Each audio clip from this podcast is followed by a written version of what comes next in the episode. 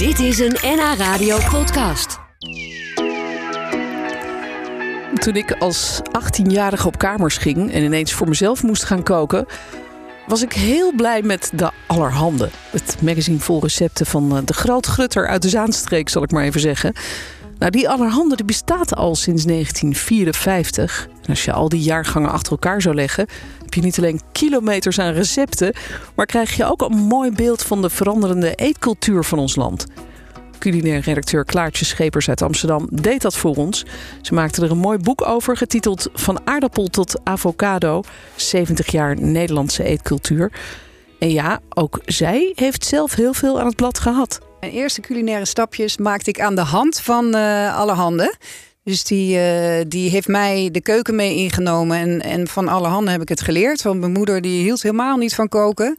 En die, uh, nou, die heeft me wel koekjes leren bakken, maar daar Ook hield fijn. het een beetje. Ja, dat was heerlijk. En, uh, en een cake leren bakken, maar bakken, dat, dat, dat deed ze wel graag. Maar koken, dat, uh, dat moest ik van de alle handen leren. Ja, en kun jij nog herinneren wat voor soort gerechten er dan in die tijd, toen jij net begon als student, ja. er dan in stonden? Wat maakte je dan? Dat was eind jaren 80, begin 90. En het waren ja, heel veel dingen met bladerdeeg. Dat was echt, dat volgens mij, ik weet niet of het toen nieuw in de winkel lag, maar in ieder geval ik, uh, ik, maakte heel veel met bladerdeeg. Ik kan me dat herinneren ook, ja. En, uh, ja. Kipfilet. Een pakketje met vis dan? Ja, en met groenten. vis en van alles. En heel veel stamp, of ja, stampotten, maar dan wel met een twist. En veel dingen met aardappelpuree. Oh ja. Uh, eindeloze ja. variaties ja, daarmee. En, en, pasta kan ik me ook herinneren. En pasta, dat ja. pasta. heel veel pasta's ja. recepten hadden. Zeker, zeker, ja. Straks praten we erover verder. Intussen misschien een broodje voor jou of een soepje. Wat kunnen nou, we voor je pakken? Een soepje. Gaan we een soepje halen, dat is altijd goed.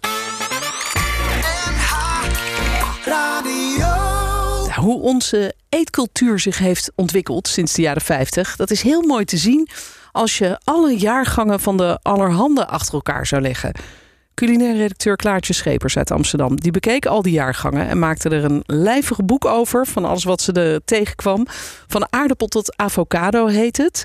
Misschien is dat ook eigenlijk wel een hele toepasselijke titel. Want dat is een beetje de Het ontwikkeling. Het hè? samen, hè? Ja. We ja. begonnen ooit met de aardappels en nu eten alle hippe mensen avocado. Ja, ja. En, uh, ja, en volgens mij niet hippe mensen ook. Volgens ja, mij iedereen. dat is waar. Iedereen. Ja. Het is gewoon gezond. Ja, en heel, heel erg ingeburgerd al. Ja, ja grappig Wij inderdaad. zijn de grootste avocado-eters volgens mij van Europa. Of nou, Oh ja? Ja, dat is echt bizar. Ja, Oh. wij, uh, het is echt een explosie aan avocado uh, ja. in Nederland. Ja, ja bijzonder ja. inderdaad.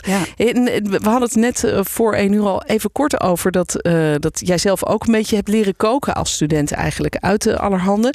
Merk jij nu je dit boek hebt uitgebracht dat het nog altijd voor veel mensen toch een soort uh, ja, vaste waarde is in de keuken? Dat mensen het nog steeds gebruiken voor inspiratie en recepten? Ja, volgens mij voor heel veel mensen. Het wordt sowieso nog steeds heel goed gelezen. Uh, net zo goed als, uh, als toen ik eruit ging koken.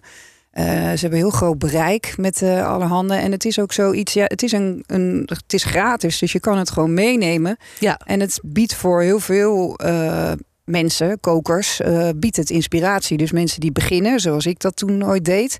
Maar ook mensen die al wat, wat, uh, wat langer koken, uh, staat er ook altijd iets in. Dus het is ook heel breed aan receptkeuze. Ja, en vaak ook inderdaad nog steeds wel of budgettips of, of een Ja. beetje gezond. En voor een gez- gezin of voor een, Ja. meer voor een dinertje. Er staat altijd wel allerlei verschillende recepten in. Ja. En, ja dus dat, dat voor veel mensen is nog steeds iets ja, om mee te nemen en, en in te bladeren. Ja, terwijl er wel Ja. veel veranderd is in de afgelopen 70 jaar. Want eh, ik, ik las in het boek dat die allereerste Allerhande in eh, 1954 uitkwam op krantenpapier. Ja, ja het Dus was dat was nog niet zo'n glossy.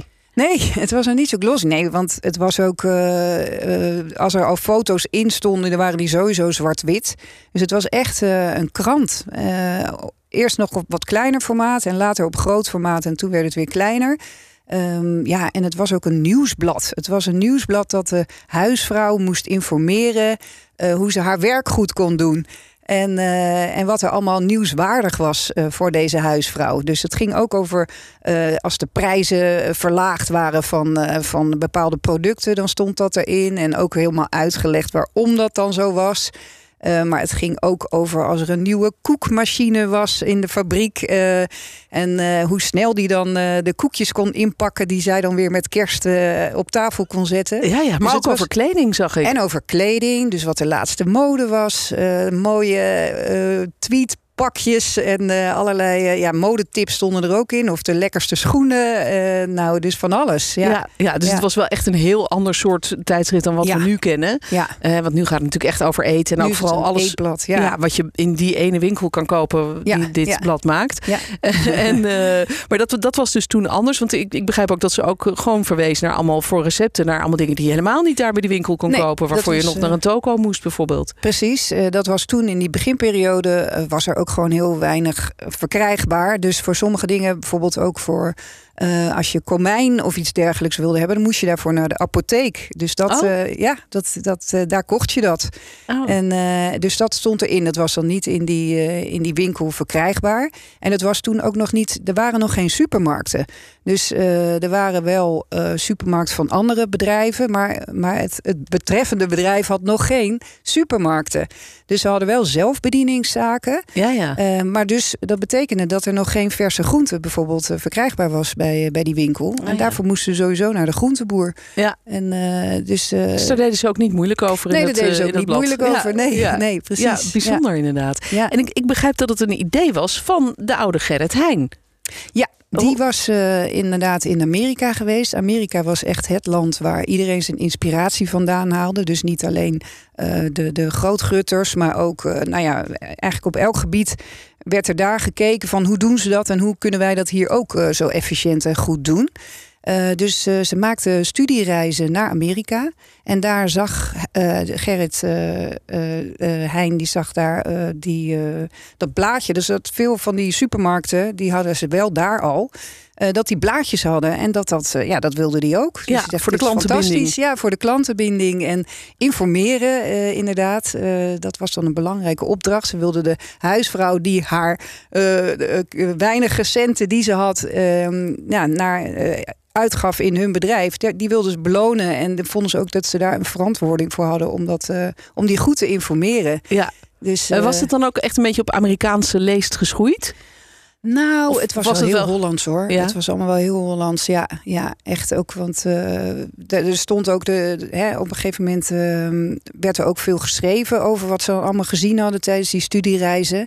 En Amerika was wel echt anders. En het werd ook benadrukt van hoe anders het daar dan was. Ah, ja. En, uh, en hoe groot en hoe de huisvrouw zich een beetje. Ja, dat vonden we hadden ze ook wel een beetje een mening over. Hoe die, hoe die met het huishouden omging. Uh, daar, die maakte zich er soms wel een beetje makkelijk van af. Oh, maar die vrouw. sloppy housewife. Die, ja, precies. maar die werkte ook vaker uh, buitenshuis. Dus uh, ja, die had ook gewoon minder tijd. Dus zo werd dat ook vergoelijkt. Van oké, okay, maar ze heeft ook minder tijd. Dus ze moet het ook. Ja, ja. Ze kan niet elke week haar onderbroeken wassen. Want daar waren ze ook ja, van onder de indruk. nou ja, dus zo was er. Grappig. Ja. ja. Um, ja was het wel anders en was het echt heel Hollands uh, wat er hier uh, geschreven werd. Ja. Ja, ja, en de recepten voor een deel ook. Want het, het recept, want in dit boek, dat moet ik misschien wel even nog vertellen, staan Mhm. mm niet alleen de verhalen over wat er, hè, wat er toen allemaal in stond en hoe dat was in die tijd. Um, maar je hebt ook een aantal recepten in het boek uh, opgenomen Ja. uit, uit die verschillende periodes. Precies, en het ja. recept dat uh, past bij deze beginperiode uh, dat je hebt opgenomen is voor groene erwten met boterhamworst. Dat Ja. klonk nou niet echt heel lekker, moet ik eerlijk zeggen. Nee, nou, ik, ik heb het niet uitgeprobeerd, moet ik eerlijk zeggen. Maar eh, ja, dat was dan een manier om, eh, om zo'n, die groene erwten dan een beetje aantrekkelijk te maken. En dan eh, een beetje anders dan anders. Want anders zou je die groene erwten gewoon zo koken en op tafel zetten. Maar nee, alle handen maakten er iets speciaals van. En die deed dan eh, blokjes eh, boterhamworsten door. Oeh. En dan had je opeens een heel spannend gerecht. ja.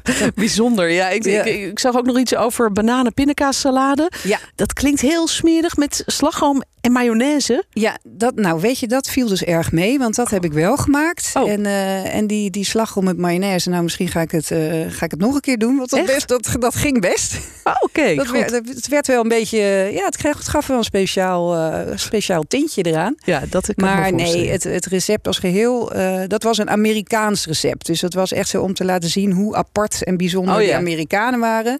Hadden ze dit recept erin opgenomen. En, Ja. eh, en de, volgens hun deden de Amerikanen overal pindakaas op. Dus ook op de banaan en ook eh, nou ja, op alles eigenlijk.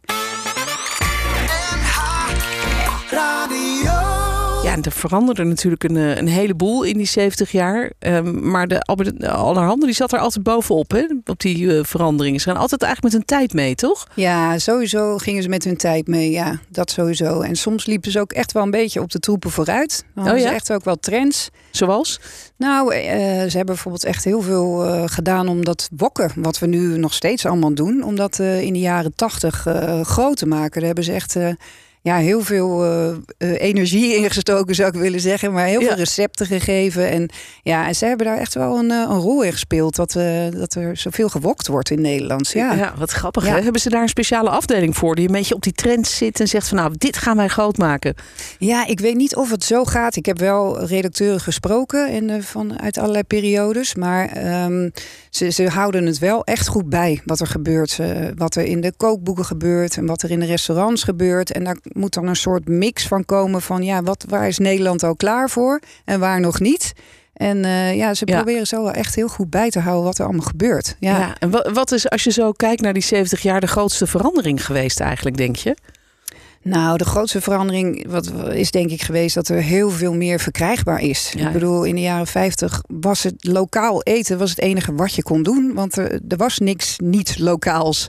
Uh, je kon, niet in de winter aardbeien eten, Nee, dat kon gewoon niet. Dat is, uh, de groenten konden niet reizen. Daar was het gewoon te kwetsbaar product voor. En het enige wat je dan kon doen was uit blik of uh, uit potten eten. Uh, maar voor de rest was het gewoon eten met het seizoen. Dat was gewoon het enige wat mogelijk was. Dus daar is natuurlijk zoveel in veranderd. Ja, en daar zijn we alweer een beetje over aan het nadenken van moeten we dat eigenlijk wel willen? Uh, ja, eten bij het seizoen. terug naar de streekproducten en gewoon ja. kijken wat je kunt krijgen in een bepaalde periode. Precies, dus daar, uh, daar ah. is wel veel ja, veel in veranderd. Ja. ja. net als misschien wel in de vleesconsumptie bijvoorbeeld. Ik kan me voorstellen dat in de jaren 50 was er gewoon minder geld voor, voor om elke dag vlees te eten. Ja. Ja toen is dat natuurlijk op een gegeven moment wel normaal geworden. En nu gaan we allemaal weer een beetje. En nu gaan we weer terug. terug. En er staan opeens allemaal vega-recepten in de allerhande. Heel veel vega-recepten. Ja, dat is inderdaad echt een groot deel van de recepten is uh, vegetarisch. Ja. ja. En vegan zelfs. Dus helemaal zonder dierlijke producten. Ja. ja. En jij schrijft in het boek niet alleen over die, die, die geschiedenis van de, van de allerhande, maar ook een beetje over jouw eigen eetherinneringen en van jouw familie. Uh, en je denkt over je oma na en hoe dat voor haar geweest moet zijn. Kwamen er ook allemaal inderdaad echt herinneringen bij je boven toen je die allerhanders aan het doornemen was? Ja, zeker. Het is zo grappig als je naar ja, foto's kijkt uh, uit de jaren 80 en ook uh, die nummers van de jaren 70. Het is zo herkenbaar dat je echt denkt: oh ja, schrootjes, ja, dat, dat was toen, weet je wel. En, dus het is heel leuk en dat maakte me ook heel nieuwsgierig naar van hoe, hoe was dat dan voor mijn moeder toen zij jong was en. Uh, en ik wilde daar echt wel ook uh, het aan koppelen. Omdat dat eten is ook zoiets wat gaat over persoonlijke dingen. En het is ook heel erg familiegevoel. Uh, ja, het, het, is iets wat je samen doet. En uh, dus het, ja, ik vond dat er wel bij horen. Dat, dat ik ook ging kijken naar van hoe, hoe was dat eigenlijk bij ons thuis vroeger. En ja, voor mijn grootmoeder en voor mijn moeder. Dus dat uh, ja, er zit heel veel persoonlijk gemaakt. Ja. Nou, er zit heel veel nostalgie eigenlijk in het boek. Ja. Dat, dat is het eigenlijk. Ja. En dat is natuurlijk heel mooi. Ja. je zei net even tijdens dat we zaten te luisteren naar Ed Sheeran. Zei je van ja, het leuke is al die jaargangen staan ook allemaal online. Dus wij kunnen ook gewoon als privé burgers, zeg maar, gewoon al, al die uh, afleveringen vanaf 1954 kunnen wij terugkijken. Kun vinden, ja. Precies, dat gaat de uh, uh, Stichting Erfgoed Albert Heijn, heet het volgens mij. En daar kan je het op die website kan je het allemaal vinden. Dan moet je wel even doorklikken. Maar dan kan je die publicaties vinden. Ja. ja. En er staan in dit boek eh, behalve verhalen ook uh, recepten. Niet heel veel. Het is niet echt een kookboek. Het is niet een kookboek, nee. nee maar het is echt een leesboek met recepten ter illustratie meer. Ja, ja precies. En wat is nou een recept dat hierin staat waarvan je denkt van nou dat is toch wel heel leuk als mensen dat eens even gaan proberen? Nou, ik vond zelf, uh, die kwam uit mijn eigen knipselmapje uh, uit de jaren negentig. Dat is een recept van John Halvemaan, een dessert oh, met peer. En het is echt, ja, ik vind nog steeds, kan je het zo op tafel zetten. Het is echt, echt lekker. Hmm, ja. Heerlijk. Dat lezen wij dus ook in het boek Van aardappel tot avocado. Geschreven door Klaartje Schepers. En zij was vandaag uh, mijn gast. Dit was een NH Radio podcast. Voor meer, ga naar nhradio.nl NH Radio